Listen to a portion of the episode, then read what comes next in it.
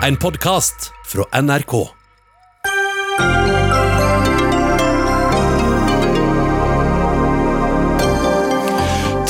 Til Hurtigruten er svekket, sier helseministeren etter at selskapet ikke gikk ut med informasjon om at det var registrert smitte om bord i et av skipene. Ledelsen legger seg langflat, men holder det. Verdens tiende mest besøkte nettsted er en pornoportal. En pornoportal som gang på gang har tilgjengeliggjort filmer av voldtekt og overgrep mot mindreårige. Nå vil en internasjonal kampanje legge ned hele portalen. Nestlederen i Senterpartiet, Ola Borten Moe, er misfornøyd med norske mediers dekning av USA, og ikke minst det han mener er en svært negativ dekning av president Donald Trump og andre republikanske presidenter. Han møter sjefredaktøren i Aftenposten til debatt. Står hun inne for egen dekning? Og polske ungdommer forteller om en timelønn på 43 kroner på en norsk jordbærgård.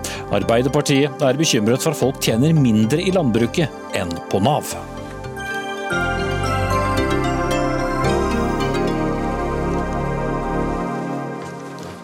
Ja, Da sier vi riktig god kveld og velkommen til Dagsnytt 18 med Espen Aas. Regjeringen har strammet inn i cruisetrafikken i norske farvann som følge av smitteutbruddet om bord på Hurtigruten. Politiet i Troms har bestemt seg for å starte etterforskning av Hurtigruten etter koronautbruddet på MS Roald Amundsen. 40 personer er bekreftet smittet etter at Hurtigruteskipet var på et ekspedisjonscruise til Svalbard. Daniel Skjeldam, du er konsernsjef i Hurtigruten. Du har nettopp avholdt pressekonferanse hvor du har sagt at selskapets rutiner sviktet, og at den økte smitten internasjonalt gjør at dere inntil videre innstiller alle ekspedisjonscruise.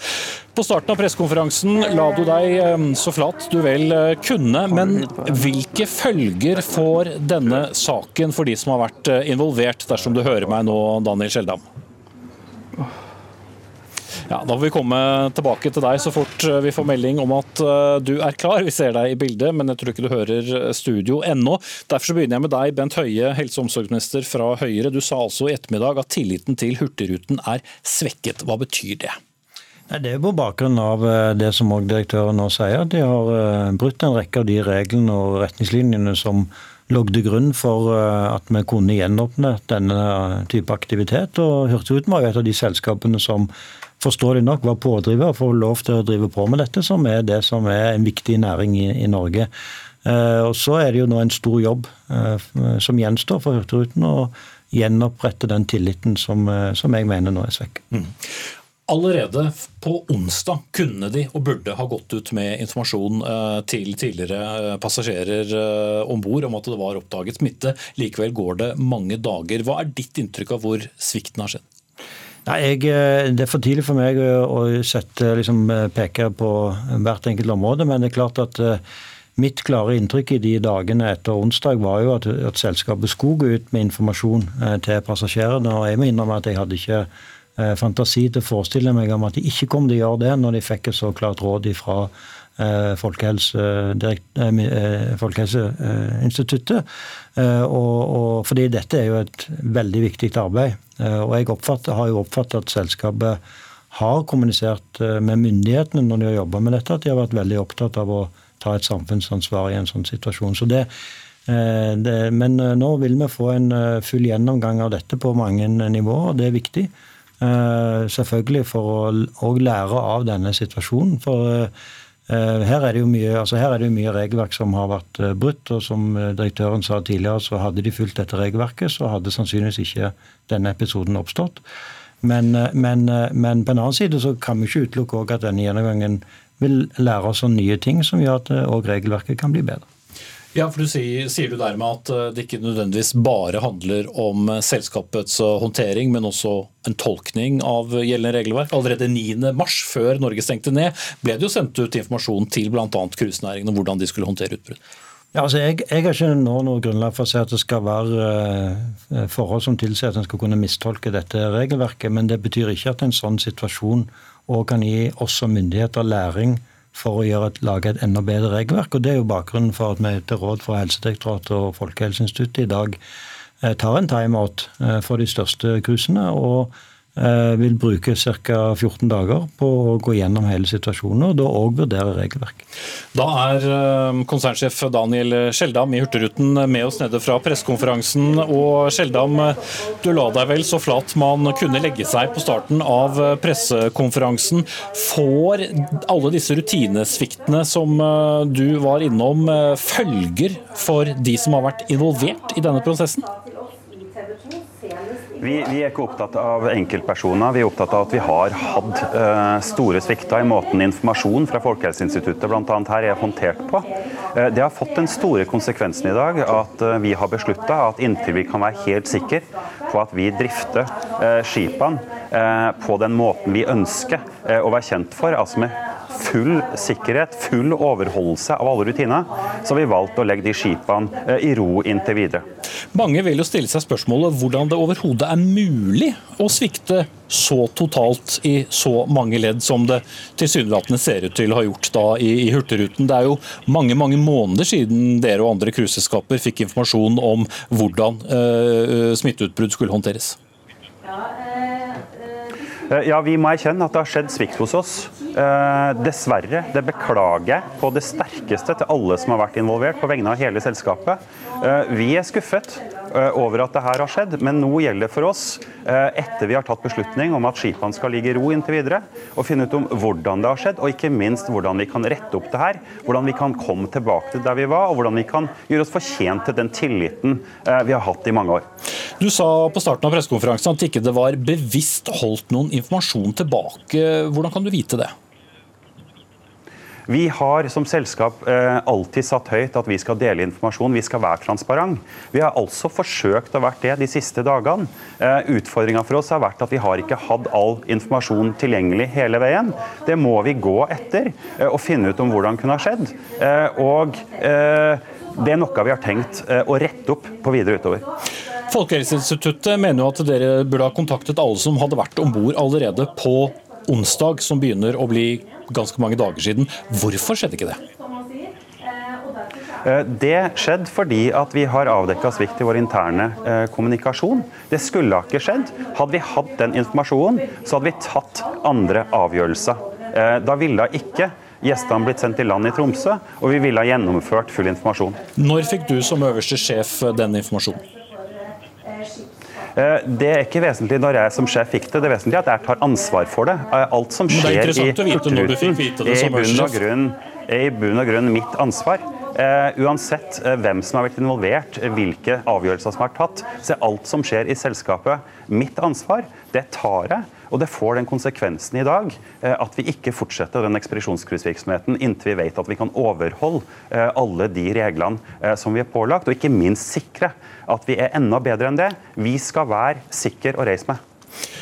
Men likevel, det kan jo være interessant for mange å vite når du som øverste sjef fikk vite om denne hendelsen?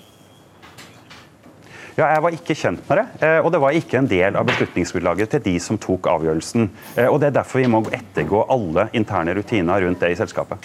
Det har også blitt kjent at dere ikke ønsket at kommunelegen i Hadsel skulle fortelle at en koronasmittet hadde blitt smittet om bord på Roald eh, Amundsen. Hvorfor var det en informasjon som i hvert fall noen i Hurtigruten ikke ville skulle gå ut?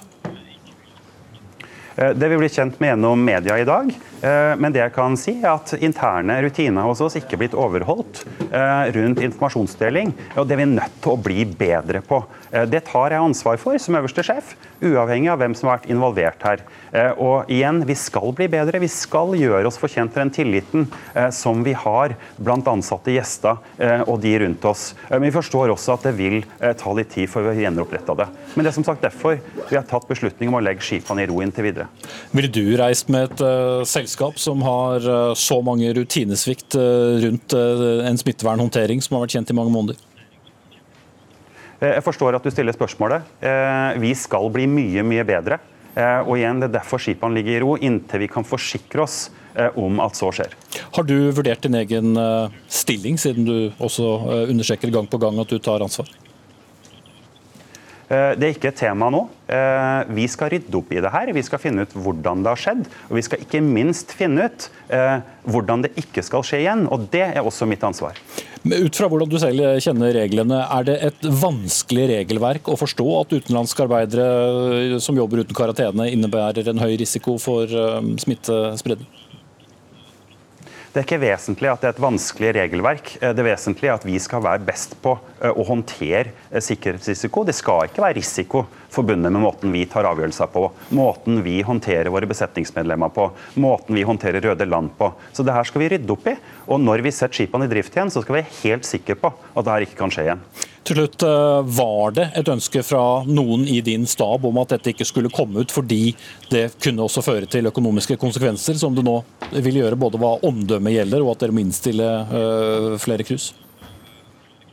Økonomiske konsekvenser har ingenting uh, med den type disposisjoner å gjøre. For oss sikkerhet er en ting som vi ikke ser på økonomi på. Sikkerhet er alltid viktigst for oss og vil alltid stå i hovedsetet. Og så ser vi i denne saken her at det har vært svikt. Det må vi rette opp i. Eh, men under covid-19-pandemien så er det aller aller viktigste for oss å operere på en så sikker måte som mulig. Det er også ellers det er øverste prioritet i selskapet. Takk skal du ha, Daniel Skjeldam, konsernsjef i eh, Hurtigruten. Tellef Inge Mørland, du er stortingsrepresentant for Arbeiderpartiet og medlem av helse- og omsorgskomiteen. Du har sagt i dag at regjeringen må tydeliggjøre karantenereglene.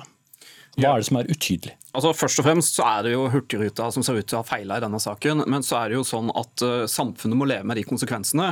Uh, og uh, da tenker jeg jo at Hurtigruta har lov til å bruke hodet, men når de sier at de har fulgt internasjonale regler, så har de i hvert fall skapt tvil om de har skjønt at man kan ikke være på et skip i karantene, jobbe med passasjerer og andre ansatte, og samtidig oppfylle de kravene. Så man er like smittsom til havs og til vann som man er på, på land. og Jeg oppfatter vel også i pressekonferansen at både Helsedirektoratet og helseministeren nå understreker, understreker, dette. og Jeg vil gå gjennom og se om regelverket er tydelig nok. Men det er i hvert fall ett av de punktene som jeg mener man eh, kan eh, fjerne all tvil rundt. Og så kan jo denne saken vise at her er det et behov for en tydeligere oppfølging og kontroll overfor arbeidsgivere som bruker utenlandsk arbeidskraft, og kanskje da særlig fra røde land, eh, og òg da i bransjer som man kan risikere supersmitte superspredere, sånn som Hurtigruta. Ja, for Gjennom helgen Bent Høie, så har man jo da kanskje fått inntrykk av eh, at det holder at utenlandske arbeidere blir sjekket i hjemlandet, så komme til Norge, og så at man likevel kan eh, jobbe dersom man har hatt en negativ, eh, et negativt resultat på, på koronatesten, selv om man normalt sett da skal i en karantene.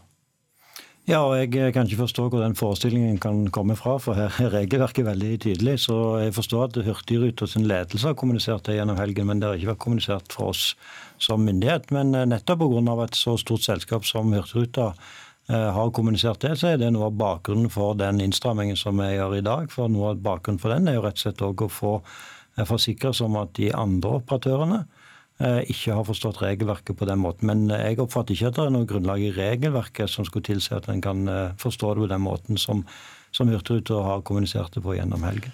Bjørn Gullvåg, helsedirektør. Du var her i studio på fredag og sa du var bekymret for utviklingen i, i koronaspredningen. Man kan jo si det gikk litt troll i ord her nå. Hvordan forholder Helsedirektoratet seg til denne aktuelle situasjonen, hvor det jo er en stadig utvikling? Ja, Her samarbeider vi svært tett med Folkehelseinstituttet og med kommunen. Vi har hatt kontakt med myndighetene på Svalbard. Eh, og eh, vi har da gjennom eh, helgen hatt møter med Folkehelseinstituttet hvor vi kom opp med et råd til helseministeren om å midlertidig stanse denne trafikken, fordi vi mener at det var så stor usikkerhet rundt hvordan praksis og rutiner her ble fulgt at vi må ta en tenkepause. Og Da skal vi naturligvis også gå gjennom, som helseministeren vektlegger, hvordan eh, regelverket er formidlet. Men vi mener at regelverket her er eh, klart. Og at eh, vi har innreisekarantene for både de røde landene i EØS- og Schengen-området, og for alle andre land. Hvor det skal være ti dagers innreisekarantene før man kan Eh, gå ut i samfunnet eller delta i arbeidslivet. Mm. Hva kan Hurtigruten eh, bli siktet for her? Det er eh, vanskelig for meg å uttale meg konkret om det, fordi nå er det en politisak og Fylkesmannen skal uh, gå igjennom dette. Uh, men slik de har formulert det selv, så kan det jo være brudd på covid-19-forskriften. Som blant Som handler om informasjon og varsling? Ja, men som også handler om karantene. Eh, og hvordan karantenereglene er praktisert. Så, men jeg tror ikke jeg skal gå i detalj inn i det, for her er det andre myndigheter som har eh, den avgjørende eh, rollen i å følge opp dette. Mm. Men for å fjerne all tvil, hva er det de skal forholde seg til av karanteneregler når det er da utenlandske arbeidere som reiser til Norge? Det er tre kategorier. Det kan være utenlandske arbeidere utenfor EØS-Schengen-området. De skal alltid i en tidagers karantene på norsk jord før de går ut eh, i, eh, eh, i skipstrafikk. Unntaket er hvis de har vært i et land som er grønt i mer enn ti dager. Da kan, da kan, man få unntak fra dette. Og Hvis de kommer fra et EØS-Schengen-land som er rødt, som jeg tror alle nå kjenner disse fargene, da skal de også i en tidagers karantene. Hvis de er fra et grønt land, så kan de da behøver du ikke å gå i denne karantenen. Mm. Tellef eh, Inge Mørland, Er det noe mer som trenger å følges opp politisk i denne saken? Ja, altså jeg tenker jo at eh, Det er bra vi har de karantenebestemmelsene vi har. og Det er godt at vi lever i et land som er tillitsbasert, men samtidig må vi ikke bli naive. Og Da er det noe med at man kanskje i enda større grad må kontrollere virksomheter som denne, som bruker altså utenlandsk arbeidskraft, gjerne da fra røde land, og som er i kontakt med et stort antall personer, enten det er besetningsmedlemmer eller det er passasjerer. Men så tenker jeg jo at Eh, man kan bli flinkere til å etablere lavterskel testtilbud. altså F.eks. på de største flyplassene våre, på de største grenseovergangene, eh, der folk som er enten turister eller for så vidt skal jobbe i dette landet òg, enkelt kan ta en test, enkelt kan bli eh, registrert, sånn at man fanger de opp tidligere. Det ser jeg jo at Helsedirektoratet for så vidt har vært positive mm. til, men det har vært etterlyst òg bl.a. I, i Bergen å få på plass den typen løsninger. og, og Det håper jeg jo at regjeringa nå raskt vil sørge for at kommer på plass. for det er klart at Vi har god informasjon i Norge om hvordan vi håndterer smitten, men det er ikke sikkert at at turister og folk fra Filippinene og andre land har den samme informasjonen om hvordan regimet er i Norge på dette. Høye, kort og slutt på det. Nei, og Det er noe som vi vurderer, men bare understreke at eh, det vil jo først og fremst være til nytte for de som har vært på reise i eh, såkalte grønne land men som allikevel har en høyere smitte enn i Norge. De som kommer fra røde land, de skal uansett i karantene. og En sånn hurtigtest vil ikke kunne frita de fra eh, karantene. Mm. Men samtidig kan det jo bidra til en bevisstgjøring som er viktig fra de folka som kommer i, fra de landene. Mm. Da hørte jeg ordet enig. Takk skal dere ha, Tellefinger Mørland, stortingsrepresentant fra Arbeiderpartiet, Bent Høie, helse- og omsorgsminister, og Bjørn Gullvåg, helsedirektør. Vi slipper dog ikke saken ennå, fordi hendelsene rundt Hurtigruten har ført til eh, skarp kritikk eh, også på kommentar- og lederplass i flere aviser, ikke minst hos dere i Tromsø. Skjalg Fjellheim, hvor du er politisk redaktør. I en lederartikkel i dag så skriver dere rett og slett at dere har ingen tillit til ledelsen. Burde ledelsen gått av? Ja, jeg tror Den tilliten som er til konsernsjefen i Hurtigruten etter denne skandalen, tror jeg er veldig tynnslitt.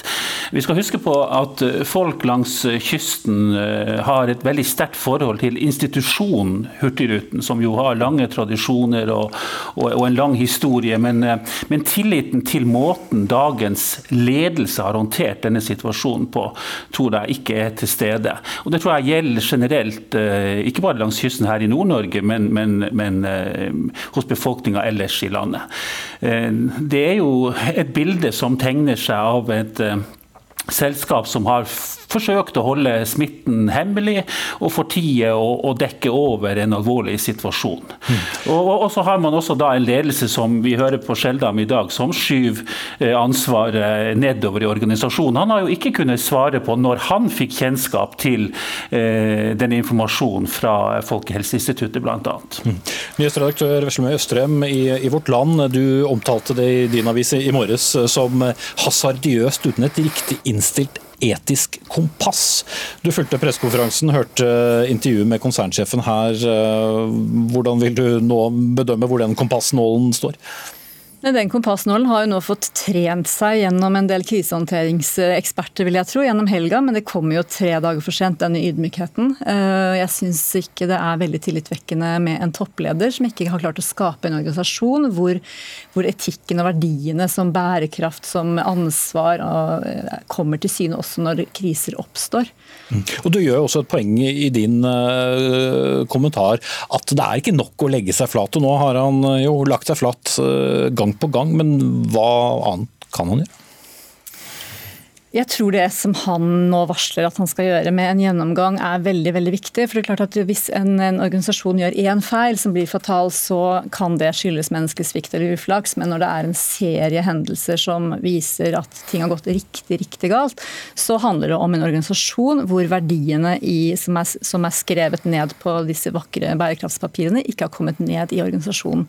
Så det er klart at Hans eneste måte å gjenreise en, en type tillit på, er jo å vise og ha åpenhet rundt Eh, hvordan de jobber og hva de, hva de ser. Jeg syns fortsatt ikke at han eh, er en åpen og tydelig leder på at eh, at de kommersielle altså Drømmen om å faktisk tjene penger også i 2020 ikke har vært rådende her og har vært med på å bestemme hvordan de har håndtert dette. Mm.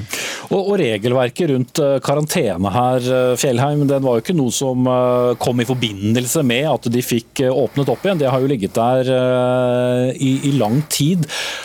Og Jeg stilte han spørsmålene, og jeg vet ikke om du kan svare noe bedre, men at det svikter i så mange ledd, er det tilfeldig? Det er jo et uttrykk for eh, en kultur i Hurtigruten. Det er jo umulig å forstå det på noen annen måte. Altså, man kan jo kalle det kultur, eller man kan kalle det ukultur. Det er i hvert fall ingen tvil om at man her har latt eh, en mengde ansatte som skulle være i karantene, få utføre arbeid om bord på, på eh, Roald Amundsen.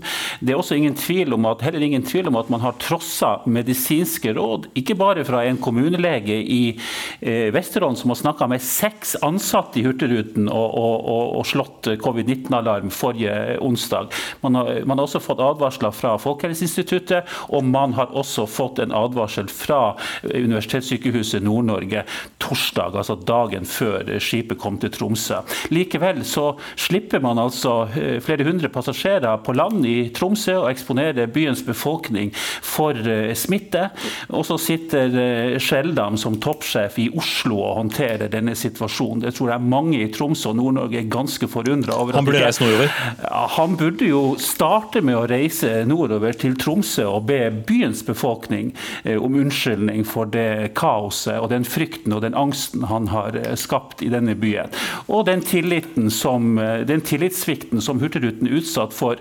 Og jeg tror ikke det er noe særlig god idé av Hurtigruten å sende Daniel Skjeldam til Stortinget for å be om mer penger til dette selskapet. Det er jo et selskap som seiler Eh, med, stor, med betydelig statsstøtte fra norske skattebetalere. Østre. Det skulle være så trygt, eh, var det en som uttalte i dag i NRK. og Det syns jeg er et ganske interessant eh, poeng. Det, det, vi tror vi omgir oss med en slags trygghet når regler følges, men vi må jo være klar over at i den, den perioden vi er inne i nå, så er det egentlig ingenting som er spesielt trygt. Og da hviler det et ekstra stort ansvar på de som forvalter den muligheten de har fått for å åpne opp for en ny, ny virksomhet akkurat nå. Det må Hver og en av oss må ta et ansvar, men toppledere må faktisk ta et enda større ansvar. Mm. Og det er ikke nødvendigvis bare å si at det er mitt ansvar? Nei, da må man faktisk handle og være åpen. Det er jo da cruisevirksomheten, eh, eller ekspedisjonscruise som det da heter på fint, som, eh, som, nå innstilles. Men Hurtigrutens rutetrafikk, som jo vi vet går mellom Bergen og, og Kirkenes, den påvirkes eh, ikke. Men Skjalg Fjellheim, troverdigheten rundt selskapets håndtering ett sted betyr vel ikke nødvendigvis at den er særlig høy et annet samtidig? Nei, det er klart at uh, troverdigheten til Hurtigruten har fått et, et, skudd for baugen, for å si det på den måten. Uh, og, det er klart at uh, også denne kystrutetrafikken eller virksomheten kommer til å få et omdømmeproblem nå i kjølvannet av dette. Det, det som er litt trist og synd, er jo at Hurtigruten har lånt ut merkevaren sin, altså hurtigrutemerkevaren sin til denne ekspedisjonscruisevirksomheten. Sånn at den tradisjonsrike Hurtigruta da går med i, i dragsuget pga. denne skandalen. Nei, ledelsen i Hurtigruten har håndtert dette på en skrekkelig måte. og jeg tror dette kommer til å stå igjen som en lærebok i hvordan et selskap ikke skal håndtere en, en stor og omfattende krise. Og også kanskje Veslemøstrem, en, eh, en vekker over eh, hvor fort ting eh, kan snu. Ja, jeg tror at vi er mange nå som har hatt en litt rolig sommer. Vi har hatt litt mer åpenhet, vi har møtt litt flere folk. Og vi, vi tenker nå at ja, kanskje vi har klart denne krisen på en ganske grei måte i Norge. Men det er jo akkurat nå denne jobben begynner, og da hjelper det ikke å tro at du har gode nok rutiner. Du må være helt sikker på det. Mm. Takk skal du ha, Veslemøy Østrøm fra Vårt Land og Skjalg Fjellheim fra Nordlys. Og selskapet har i tillegg til politietterforskningen også satt i gang en egen gransking.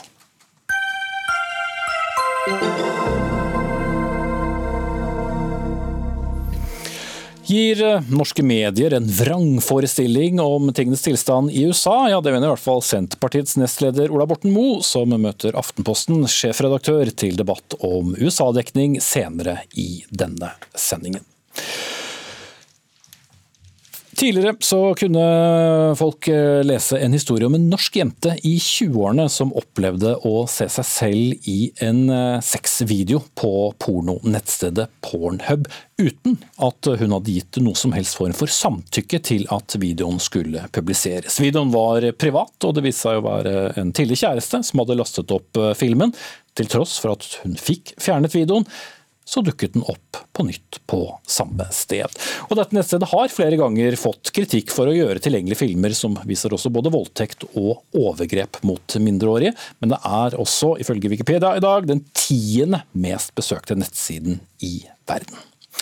Ragnhild Lindahl Torstensen, daglig leder i Lightup eh, Norge, en organisasjon som forebygger menneskehandel. Dere er blant de som har skrevet under et internasjonalt opprop for å stenge ned hele dette nettstedet. Hvorfor? Eh, vi har tilsluttet oss denne Trafficking Hub-kampanjen, eh, som nå har over 1,7 millioner underskrifter fra enkeltpersoner verden over.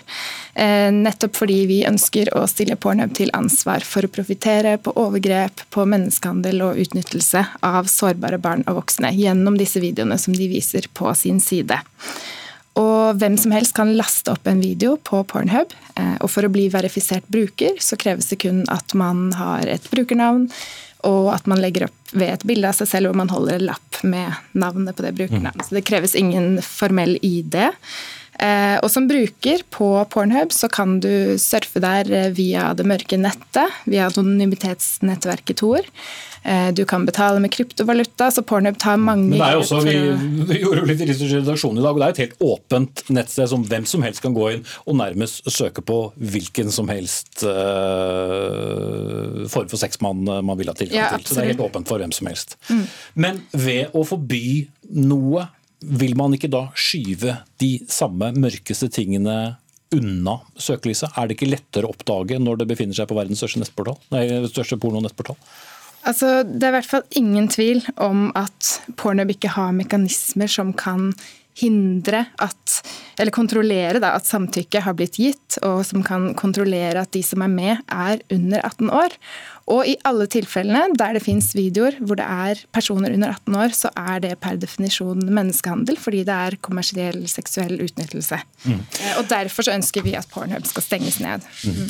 Hanna Lein Mathisen, leder av Oslo Unge Venstre. Eh, selv om du selvfølgelig er enig med mange av synspunktene. Torstensen, så mener du det er galt å skulle legge ned nettstedet. Hvorfor det? Det hjelper ikke å stenge ned én nettside når det er tusenvis av andre nettsider som har samme brister i regelverket.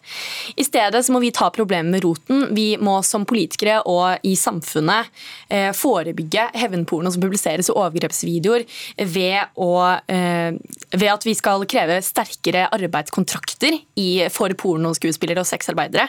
De må ha sikker lønn, pensjonsordninger, fagforeninger som alle andre bransjer. Og eh, vi må kreve gjennomsyn av ansatte ansatte, skriftlig samtykke og aldersverifisering, og en enklere prosess for sletting av videoer av hevnporno og andre videoer man ikke vil ha på nettet. Men, men dette er jo et nettsted som har eksistert i var det 13 år, eh, og kritikken har jo kommet mange ganger mot at de laster opp ting som overhodet ikke bør gjøres eh, tilgjengelig. Viser ikke det egentlig at det ikke fungerer? Ja, jo, Vi har jo visst i samfunnet at man ikke eh, man moraliserer porno. Man forstår ikke at dette er noe som kommer til å finnes i samfunnet uansett. Så det første steget vi kan ta, det er å godkjenne at porno kommer alltid til å ha en plass i samfunnet. Hvis man forbyr pornografi på nettet, hvis man forbyr pornhub, så kommer vi bare til å jage dette, eh, denne store bransjen ned i undergrunnen. Akkurat som man har gjort med f.eks. narkotika. Og det kommer bare til å havne på det svarte markedet og ende opp med mer eh, trafficking og mer overgrep og sånt noe. Det er bedre at vi tar grep fra internasjonalt og nasjonalt plan og jobber for et verdensomspennende reglement som støtter opp om gode kontrakter, og at det skal være mulig å slette videoer som man ikke vil ha av seg selv eh, på Pornhub og andre lignende nettsider. Det høres veldig fint ut å få til en sånn regulering av pornoindustrien og av Pornhub, men det er lite som tyder på at det har latt seg gjøre eh, til nå. Og her tror vi at vi må ta problemet ved rota på en annen måte. Eh, Pornhub er et mangemilliardærselskap. Eierselskapet er kanadisk, men registrert i skatteparadiset Luxembourg. Eh, de har, det er snakk om en helt enorm industri. og de men den forsvinner vel ikke med et så enormt publikum? Hvis det er verdens tiende mest besøkte nettsted, så vil vel uh, det klientellet lete opp tilsvarende tjenester andre steder? Ja, men nå er det snakk om Pornhub, og de må stå ansvarlig for sine handlinger.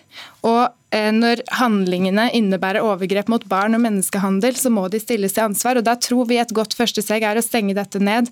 Og selvfølgelig så vil ikke det løse hele problemet. Vi trenger også å jobbe på flere plan for å få bukt med den utnyttelsen som skjer i sexindustrien. Mm. Bare For ordens skyld så har vi også NRK tatt kontakt med, med Pornhub i dag eh, og bedt om en kommentar, uten at eh, de har ønsket det. Men Lein Mathisen til det som Torstensen skrev. Men vi må selvsagt huske på at hevnporno, overgrepsvideoer, det er unntak unntaket som gjelder regelen. De aller fleste som jobber i porno- og sexarbeiderbransjen, de jobber der frivillig. Din kropp, ditt valg. Og hvis du har lyst til å selge bilder, videoer og seksuelt innhold av kroppen din og andre samtykkende voksne, så skal vi ikke moralisere det valget folk tar.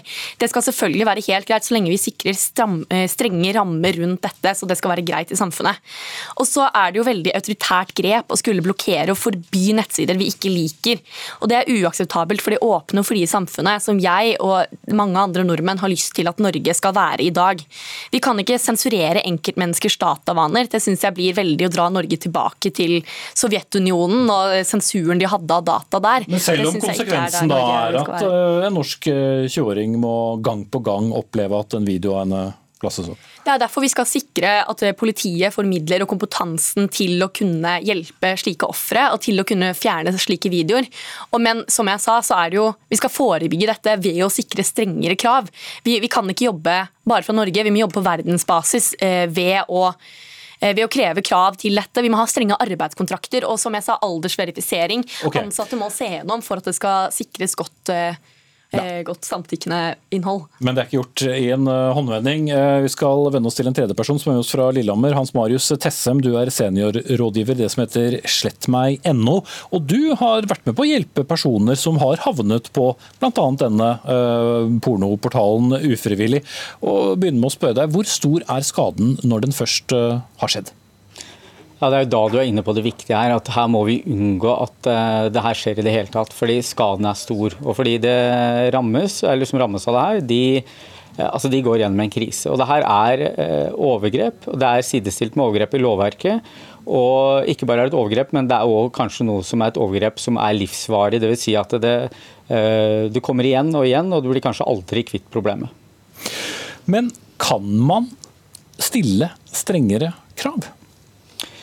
Jeg tror kanskje ikke at å stenge ned en nettside vil være løsningen. fordi Det vi ser av erfaringer fra Slett meg, det er at det er veldig mange andre tjenester som ikke er ment for å brukes til å laste opp sånne type bilder, f.eks. Messenger eller Instagram, som brukes til å dele sånn type materiale. Og, og, Da tenker jeg at vi må angripe problemet litt fra en annen vinkel. Da må vi gå på de som faktisk laster opp det her innholdet. Eh, det er ulovlig, og lovverket må håndheves. Politiet må på banen for å, å ta de som faktisk eh, gjør de tingene her. Og så tror jeg òg det er viktig å jobbe litt med holdninger. Altså Det fins ikke noe mer nedrig og simpelt enn å laste opp sånn type innhold, etter min mening. Og det, dit må vi bort fra at det er greit. Mm. Men eh, som jeg nevnte innledningsvis, dere har altså vært med på å hjelpe folk til å få slettet videoer av seg selv. Hvordan har den jobben gått? Ja, Det er jo litt varierende. ikke sant? Fordi eh, er innholdet, Fins det på nett, så er det jo noen som besitter det innholdet. og Da kan det alltids lastes opp igjen. I en del tilfeller så klarer vi å hjelpe folk hvis vi er tidlig ute og får fjerna innholdet, sånn at eh, det ikke dukker opp igjen. Men i noen tilfeller så er det rett og slett sånn at eh, vi klarer ikke å fjerne det, for det er et så stort Eh, det er spredd i så stort omfang at, at vi klarer ikke å få fjerna det. Mm. Men det betyr vel også at eh, selv om eh, det skulle bli enklere for å straffe de som laster opp hevnporno, da, som i det norske tilfellet, så er jo allerede skaden skjedd så fort det er lastet opp? Ja, og vi må jo håpe at det at noen blir straffa, at det har preventiv virkning. For det er jo nettopp det vi må unngå, at denne type innhold lastes opp. For da er skaden allerede skjedd. Mm. Ja, uh, Lein Mathisen, det er jo som jeg for så vidt uh, rundt av før jeg gikk til, til Tessum her, et, et, et, en veldig lang vei å gå, uh, et internasjonalt forbud. Det er jo vært foreslått forskjellige ting. I Storbritannia vil man ha en, en verifisert 18-årsgrense for å kunne gå inn på pornonettsider, men overgrep er jo å bli overgrep, og man oppdager først at det er det når det er for sent. Absolutt. Og som en siste utvei så er det jo flott at slettmeg.no gjør den utrolig viktige jobben de gjør. Men når vi snakker om porno, så tror jeg at det er utrolig viktig at vi snakker om at eh, det viktigste er at ungdommens første møte med seksualitet ikke skal være gjennom pornografi. Det aller viktigste vi kan gjøre for å forebygge at overgrepsvideoer og hevnpornoer publiseres, det er at vi har en god seksualitetsundervisning allerede fra barnehagen. At vi lærer unge å være kritiske til pornografi, at dette ikke er representativt for samhold og samleie mellom mennesker. og lære lære det om kjønn, grensesetting, voldtekt og hvor utrolig alvorlig dette kan være. Mm. Der er det nok enige alle sammen. Takk skal du ha, Hanna Lein Mathisen, leder av Oslo Unge Venstre, Ragnhild Rindal Torstensen, daglig leder av Light Norge, og Hans Marius Tessem, seniorrådgiver i slettmeg.no. Og som sagt, vi fikk ikke noe svar fra Pornhub i dag. Til NRK P3, som jobbet med denne saken om eh, den norske kvinnen, fikk derimot eh, et eh, svar hvor de bl.a. understreket at de mente dette oppropet for å få slettet denne portalen var både galt og misledende.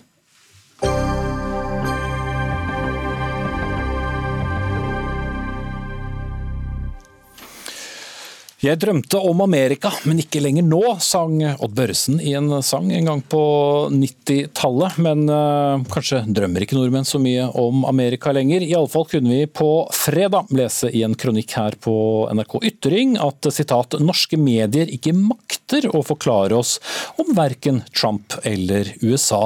Norske mediehus klarer nemlig ikke å forholde seg til at verden er mer kompleks enn det vi selv liker å tenke. Sitat slutt. Og Ola Borten Moe, nestleder i Senterpartiet, det var du som skrev eh, dette. Hva er det som fikk deg til å skrive denne kronikken? Nei, Det er jo for så vidt en eh, refleksjon over eh, lang tid, som handler om et land som jeg tror mange av oss egentlig er glad i, og som vi har et tett forhold til. Men som når du følger samfunnsdebatten og den politiske utviklinga, og kanskje spesielt gjennom norske medier, får et inntrykk av at det er fullstendig i ferd med å bryte sammen. Og det er veldig mye vi eh, ikke forstår eller ikke klarer å sette inn i den konteksten det kanskje fortjener. Eh, og så vil jeg gjerne si at jeg tror ikke dette er et nytt fenomen. Jeg jo, hadde jo min barndom på 80-tallet og ungdomstid på 90-tallet, og det var jo for så vidt likedan da. og så mm, Men du... Jeg, det, altså Den gangen var det jo Reagan som var, uh, var helt sinnssyk. Uh, og han ble jo skjelt ut som en middelmådig skuespiller som så ble amerikansk president. Det var jo gjengs oppfatning, i hvert fall i, i, så vidt jeg kan huske. Uh, og så har jo historien vist at han har blitt en av de store presidentene. Nå, nå tror jeg ikke det her kommer til å skje med Trump, og det her skrev jeg ikke for å støtte opp under Trump. Det, det gjør jeg ikke, men jeg syns likevel at vi ikke blir gitt de verktøyene vi trenger for å forstå USA, hva det er som skjer der. Eh, rett og slett fordi at USA er veldig annerledes fra Norge. og Det er òg min erfaring etter å ha vært der mange ganger og snakka med folk og, og lest. Ja, Alle land er vel for så vidt eh, annerledes fra hverandre. Men hvis vi skal være helt konkret her, eh, Borten Moe. Hva er det norske medier da ikke forteller oss? Altså Forteller de oss ikke om den andre siden av USA, eller forteller de oss for mye om Donald Trump? Nei, eh, jeg tror jo for så vidt at det er veldig lett eh, å oppleve, eh, altså i hvert fall med norsk utgangspunkt. Og så blir vi på en måte fortalt historien om USA gjennom Donald Trump sitt presidentskap. Og Det tror jeg nok i seg selv skape et veldig skjevt inntrykk av landet. Og Så prøver jeg jo i denne kronikken eller i denne refleksjonen å liste opp det jeg tror er en del grunnleggende forskjeller mellom Norge og deler av Europa på den ene sida og USA på den andre, som handler om historie, historisk utgangspunkt, som handler om hvordan man definerer sitt eget frihetsbegrep. Der jeg tror at de f.eks. har et frihetsbegrep som i mye sterkere grad handler om at man er fri fra stat og statlig innblanding, mens vårt frihetsbegrep i mye sterkere grad er, eh, er knytta til stat og fellesskap. Okay. Eh, og Det er jo et av mange eksempler som jeg tror kanskje at media med fordel kunne ha satt inn i kontekst eh, når man rapporterer fra, fra USA. Mm. Et eh, mediehus, eh, eller en avis, som er stasjonert i USA og dekker USA tett, er jo Aftenposten. og Sjefredaktør Trine Eilertsen, eh, da du leste Borten Moes kronikk, følte du deg truffet? Altså Først ble jeg jo glad for at en norsk politiker går inn i både mediekritikk og ettergår dekningen vår og skal utfordre oss. Så ble jeg skuffet. Eh, for dette var jo veldig generelt, og det er alle mediehus i én boks. Det er litt sånn, det er akkurat like nyttig som når noen sier eh, norske politikere kan ingenting om likestilling. Så blir det sånn jo, noen norske politikere kan ganske mye, noen kan ganske lite, noen er ikke interessert. Sånn er det med norske mediehus òg. Vi bruker enorme ressurser på å dekke USA. Det er ingen land utenfor Norge vi bruker mer ressurser på å dekke. Eh, og skal vi kunne gjøre det ordentlig, så handler det nettopp nettopp om å kunne forklare det som skjer i USA nå. Leserne og det mener dere at dere gjør? Det gjør vi. Leserne våre etterspør én ting. Først fra 2015 gjennom 2016. Hvorfor er Donald Trump så populær blant velgerne? Da må vi jobbe for å forklare det, snakke med velgerne, forstå det. Eh, og nå handler det om å forklare hvordan han agerer som president. Det har det handlet om i snart fire år. Konsekvensene av det, bakgrunnen for det, drivkreftene for det. Det gjør vi. Eh, våre korrespondenter, de som skriver om dette, altså ene korrespondenten var bodd i USA i 14 år, kan historien, kan landet. Men det jeg er med på med Ola Borten Moes kritikk, det er at jeg tror at mange i Norge altså Når han skriver 'vi', da skjønner jeg ikke hvem han egentlig vier seg med. Eh, men noen mange i Norge de har knapt vært i USA, de har knapt bodd der. Så jeg husker jeg bodde i USA, i Texas for 20 år siden. Så fikk jeg mange awakenings som handlet nettopp om det, at det var et samfunn som er mye mer forskjellig fra vårt enn enn vi liker å tro, og enn vi har forutsetning for å tro hvis du aldri har vært der. Så der er dere i hvert fall enige. Men bare for å ta din egen avis da, i, etter seieren til, til, Trump i 2016, som, så skrev bl.a. dere at seieren skyldtes sitat, hvite, sinte menn og protestvelgere. Er det forklaringer som du mener fortsatt uh, står bra i dag? Ja, altså, vi skrev mange mange, mange analyser og kommentarer på det. Men det vi først og fremst gjorde høsten 2016, var at vår korrespondent Kristina Pletten reiste rundt i USA og snakket med velgere i det røde USA USA, eh, der velgerne hans var. Det var velgere som tidligere hadde stemt på Obama, som nå valgte å stemme på Trump. Det var velgere som ikke hadde stemt før, som han klarte å mobilisere til å gå til stemmeurnene. Enormt interessant. Forklare hva liv lever de, hva er de opptatt av. Og det er jo der vi finner forklaringene på Trumps seier, og det var det vi brukte mest ressurser på. Ja, Ola Borten Moe, du snakket jo for så vidt om, eh, om norske medier, men uh, hvis du kan konkretisere overfor sjefredaktøren i en av landets uh, aller største aviser, hva, hva ville du sett som ikke du ser? Ja, det her er jo ikke et uh, angrep særskilt retta inn mot uh, Aftenposten. Og jeg kan jo heller ikke noe om Aftenpostens uh, dekning til å være konkret på akkurat den avisa. Men jeg tror, hvis du tar presidentvalget i 2016, så tror jeg jo det at det var ingen av oss, som, eller veldig få i hvert fall, som hadde gjetta at Trump kom til å vinne. Eh, og en, enda mindre fikk vi en god forklaring på hvorfor han faktisk uh, gjorde det. Og Det er jo en av de tingene jeg tenker er uhyre interessant da, uh, fra et norsk perspektiv. Det er jo hvordan en politiker som både har en form og et innhold som er så annerledes enn det vi kjenner fra vårt eget land og vår egen verdensdel, for så vidt, kan gå hen og vinne et presidentvalg. Altså hvilket politisk klima og hvilke samfunnsendringer en samfunnsstruktur er det som muliggjør eh, et sånt eh, produkt av en president? Da kan noe lignende skje her. og Der kan jeg heller ikke se at Aftenposten har gitt noe godt svar på det. Ja, altså, eh, og så, mm. så, gjenstår det jo å se da, nå i år. og der, Nå er det jo presidentvalg om et par måneder. Jeg må nå bare innrømme at det, altså det overordna bildet jeg sitter igjen med eh, fra norsk pressedekning, det handler jo om at alt republikanerne gjør er, eh, er helt vilt. Eh, og det meste av det demokratene foretar seg, det er, det er, veldig bra. Og det er et stort enigma eh, hvorfor det er det helt tatt er spenning knytta til hvem det er som uh, tar makta. Men, men, det har jo historien vist seg at sånn er det jo ikke. Nei, med, med, all mulig respekt, eh, Ola Borten Moe. Jeg tror rett og slett du må lese det litt opp, både på det Aftenposten skriver og som jeg først og fremst skal, eh, skal snakke om. Men er det en del andre skriver, og vi selvfølgelig supplerer det med det som skjer i amerikanske medier og alle typer kanaler i USA. For det er ikke noe mediehus i Norge som klarer å gi det hele og komplette bildet av det som skjer i USA, til det landet altfor komplekst og altfor sammensatt, som vi jo er enige enige om. Det jeg syns er litt eh, forstemmende, Mo, det er at en så sentral politiker som du eh, velger denne typen generell kritikk og si ene, ene punktet, poenget ditt er at du ikke følger nok med i Aftenposten til å kjenne vår dekning. Det andre punktet er at uh, alle norske mediehus uh, har mislykkes i arbeidet med å søke å forklare USA. Jeg sier ikke at vi lykkes hele tiden, jeg sier ikke at vi, vi, vi får til alt vi ønsker oss hele tiden, men at vi jobber for det og at vi lykkes av og til, det er jeg helt sikker på. Og jeg synes at dette er en del av en trend vi ser med å undergrave mediene som, uh, som institusjon generelt, og vi fortjener bedre og mer konkret og mer gjennomarbeidet kritikk enn dette dette, og hvor som politikerne fortjener gjennomarbeidet og konkret kritikk fra oss, og ikke bare sånn generelt politikerne syns bla-bla-kritikk. Kort til slutt, Borten.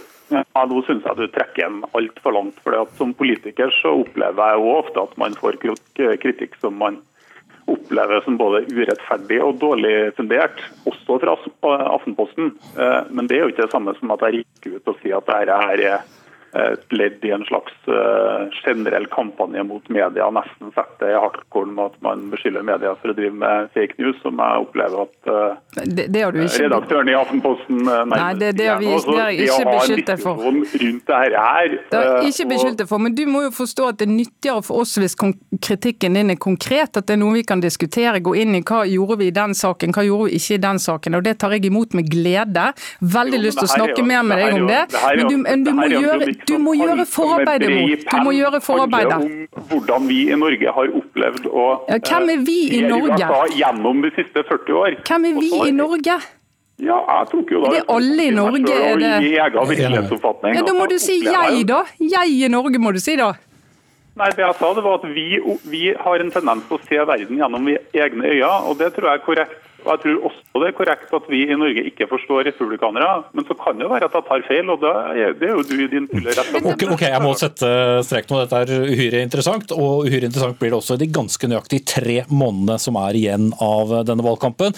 Takk til Ola Borten Moe, med oss på telefon fra plattform i Nordsjøen. Han er nestleder i Senterpartiet og sjefredaktør i Aftenposten, Trine Eilertsen.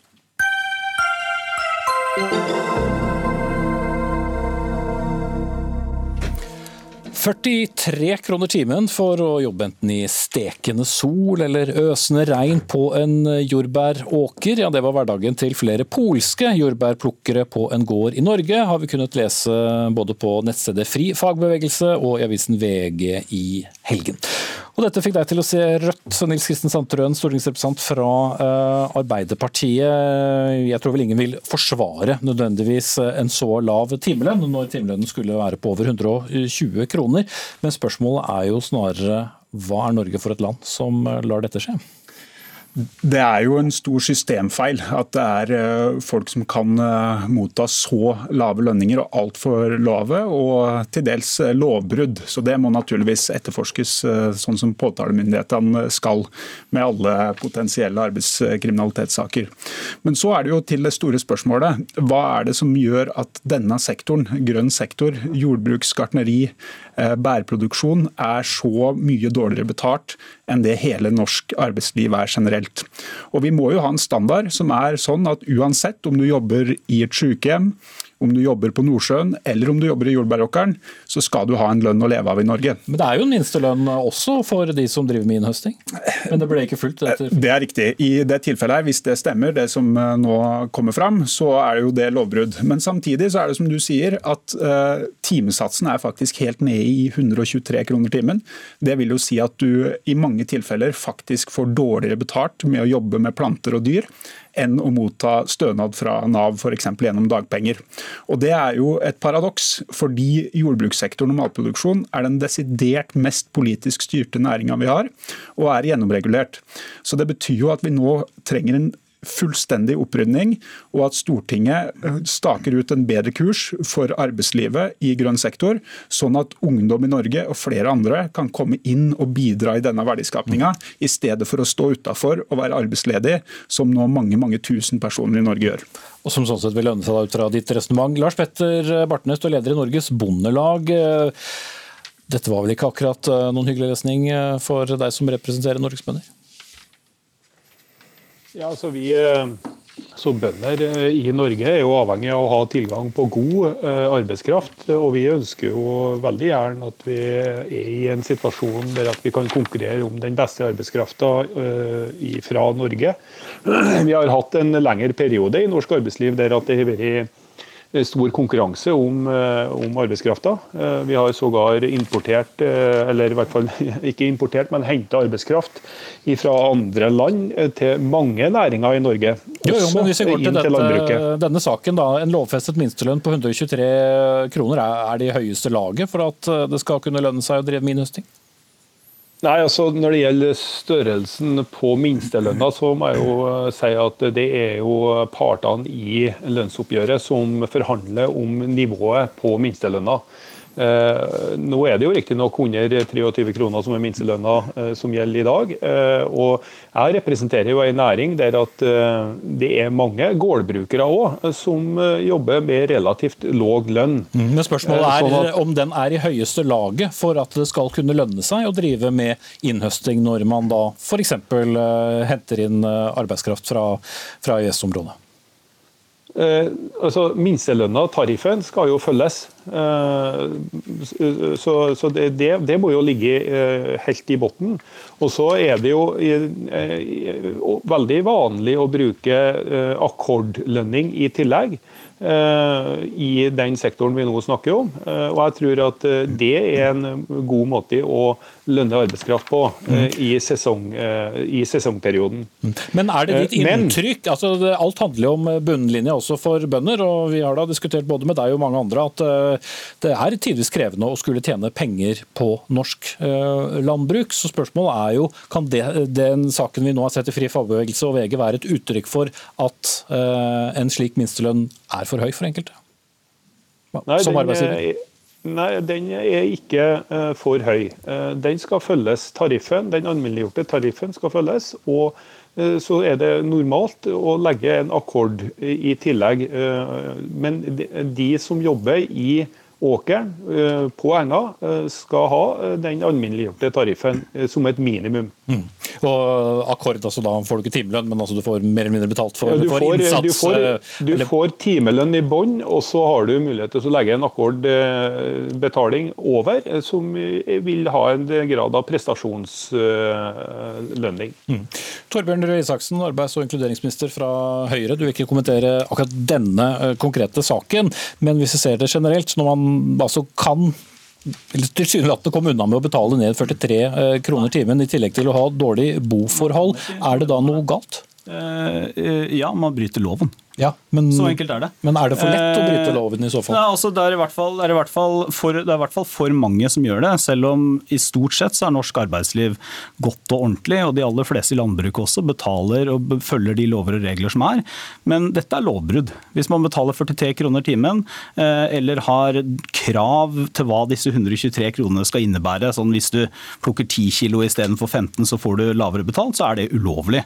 Eh, og så mener jeg at svaret på dette, Helt fint at man sender en oppfordring til partene om at dette skal de diskutere, men det er de som må diskutere lønn. Men jeg syns det er litt passivt som Arbeiderpartiet gjør, at man bare sier det. Eh, partene har ansvaret for lønnsdannelsen. De må gjerne diskutere om de skal forhandle seg fram til høyere. Men her er det gjennomføringen av men, lovverket og, ja, men, og, og det er de to tingene som jeg er opptatt av. Jeg mener at Arbeidstilsynet trenger flere verktøy. Både for å avdekke og følge opp denne type saker.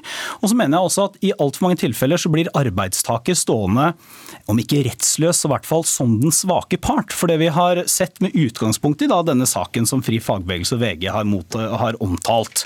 Men som et generelt poeng det er at hvis det da er sånn at du ikke har fått det du skal ha i lønn, så er det altså den enkelte arbeidstaker som selv må kreve inn disse pengene fra arbeidsgiver. Arbeidstilsynet har per dags dato ikke mulighet til å si at du skal rette opp dette tilbake i tid. Og jeg mener at vi trenger et bedre lovverk mot det vi kaller lønnstyveri. Som er rett og slett når arbeidsgiver helt urettmessig, mot lover og regler, eh, tar deler av lønna Så mer kontroll. Sandtrø? Det er jo veldig oppsiktsvekkende påstand. Den eh, politiske endringa som vi foreslår nå, det er jo den mest offensive som har vært foreslått i norsk jordbrukspolitikk på mange tiår. For vi krever jo nå at eh, jordbruksavtalen reforhandles, samtidig som partene i arbeidslivet må ta ansvar for å få et lønnsnivå som gjør at det blir en lønn å leve av. Mm. Men er ikke det en litt annen sak Nei, enn det, det, som er, er, er sosial dumping? Akkurat samme saken, fordi den ene sida av det er det som eh, arbeidsministeren sier helt korrekt, at Eh, det er ulovlig dersom det er riktig det som har kommet fram. Så Det må jo i så fall etterforskes av påtalemyndighetene. Men så er spørsmålet hva for noe system og politikk for matproduksjon og arbeidsliv er det vi ønsker. Og Vi tok jo et initiativ den 31. mars som et enstemmig storting slutta seg til, da det ble klargjort at vi skulle sikre nok arbeidskraft i jordbruket. Og det ble eksplisitt vedtatt det forutsettes at man sikrer ordnede lønns- og arbeidsforhold innen landbruket. Og Det har jo ikke regjeringa ennå fulgt opp sammen med arbeidstakersida. Og det skal fortsatt følges opp, sånn at flere folk i Norge kan komme inn i arbeid og færre stå utafor og være ledige og permitterte, sånn at flere bidrar i aktiv verdiskaping. Ja, jeg, er litt sånn usikker på hva, hva resonnementet til Arbeiderpartiet er her nå. Eh, altså for, det, for, det, første, jo da, det, det, skjønte jeg, men hva som ligger bak slagordene dine, er jeg litt mer usikker på. For det, eh, Jeg er helt enig i at det ville vært veldig bra hvis vi, særlig nå i koronasituasjonen, så har det vært veldig bra at man har gjort det lettere for f.eks. arbeidsledige ungdommer å ta jobb i norsk landbruk. Det har vi gjort noen endringer for å få til. De var Arbeiderpartiet grunnleggende mot. Det er det ene. Det andre er at det er nok ikke sånn når du sier at, eh, som du sa i innledningen, innledningen at man kan risikere at man får mer utbetalt på dagpenger enn å jobbe i jordbruket. Absolutt. Jo, men også, Det er nok ikke sånn at det er noe unikt for jordbruket. Jo, det er nesten unikt Nei, for det, jordbruket. Det, det, er det ikke. for at, eh, du vet at Dagpengesatsen går jo på hvor mye lønn du har hatt fra før. Så Det kommer jo helt an på hvor høy lønn du har hatt og hva du okay. har dagpengene Et annet eh, regnestykke. Jeg har en fjerdeperson som, som hører på det, som heter Svein Arne Lie, som selv er småbøker og statsviter, men han er med først og fremst fordi han har skrevet to bøker om landbrukspolitikk. Og Spørsmålet til deg, Lie, skiller sesongarbeid sesongarbeidere i landbruket seg fra andre arbeidere?